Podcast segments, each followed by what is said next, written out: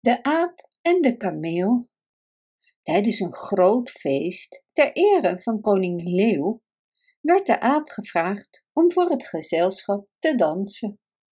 Hij danste als een ervaren danser en de dieren prezen hem allemaal om zijn elegante en soepele bewegingen.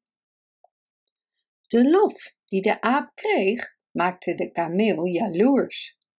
Hij was er heel zeker van dat hij net zo goed kon dansen als de aap, zo niet beter.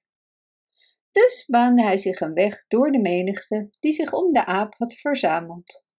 Hij ging op zijn achterpoten staan en begon te dansen. Maar de grote, kolossale kameel maakte zichzelf echt erg belachelijk toen hij zijn knoestige benen voor zich uitschopte en zijn lange, onhandige nek naar alle kanten draaide. Bovendien hadden de dieren moeite om hun tenen onder zijn zware hoeven vandaan te houden. Toen uiteindelijk een van zijn enorme poten tot op een centimeter van de neus van koning Leeuw kwam, hadden de dieren er schoon genoeg van.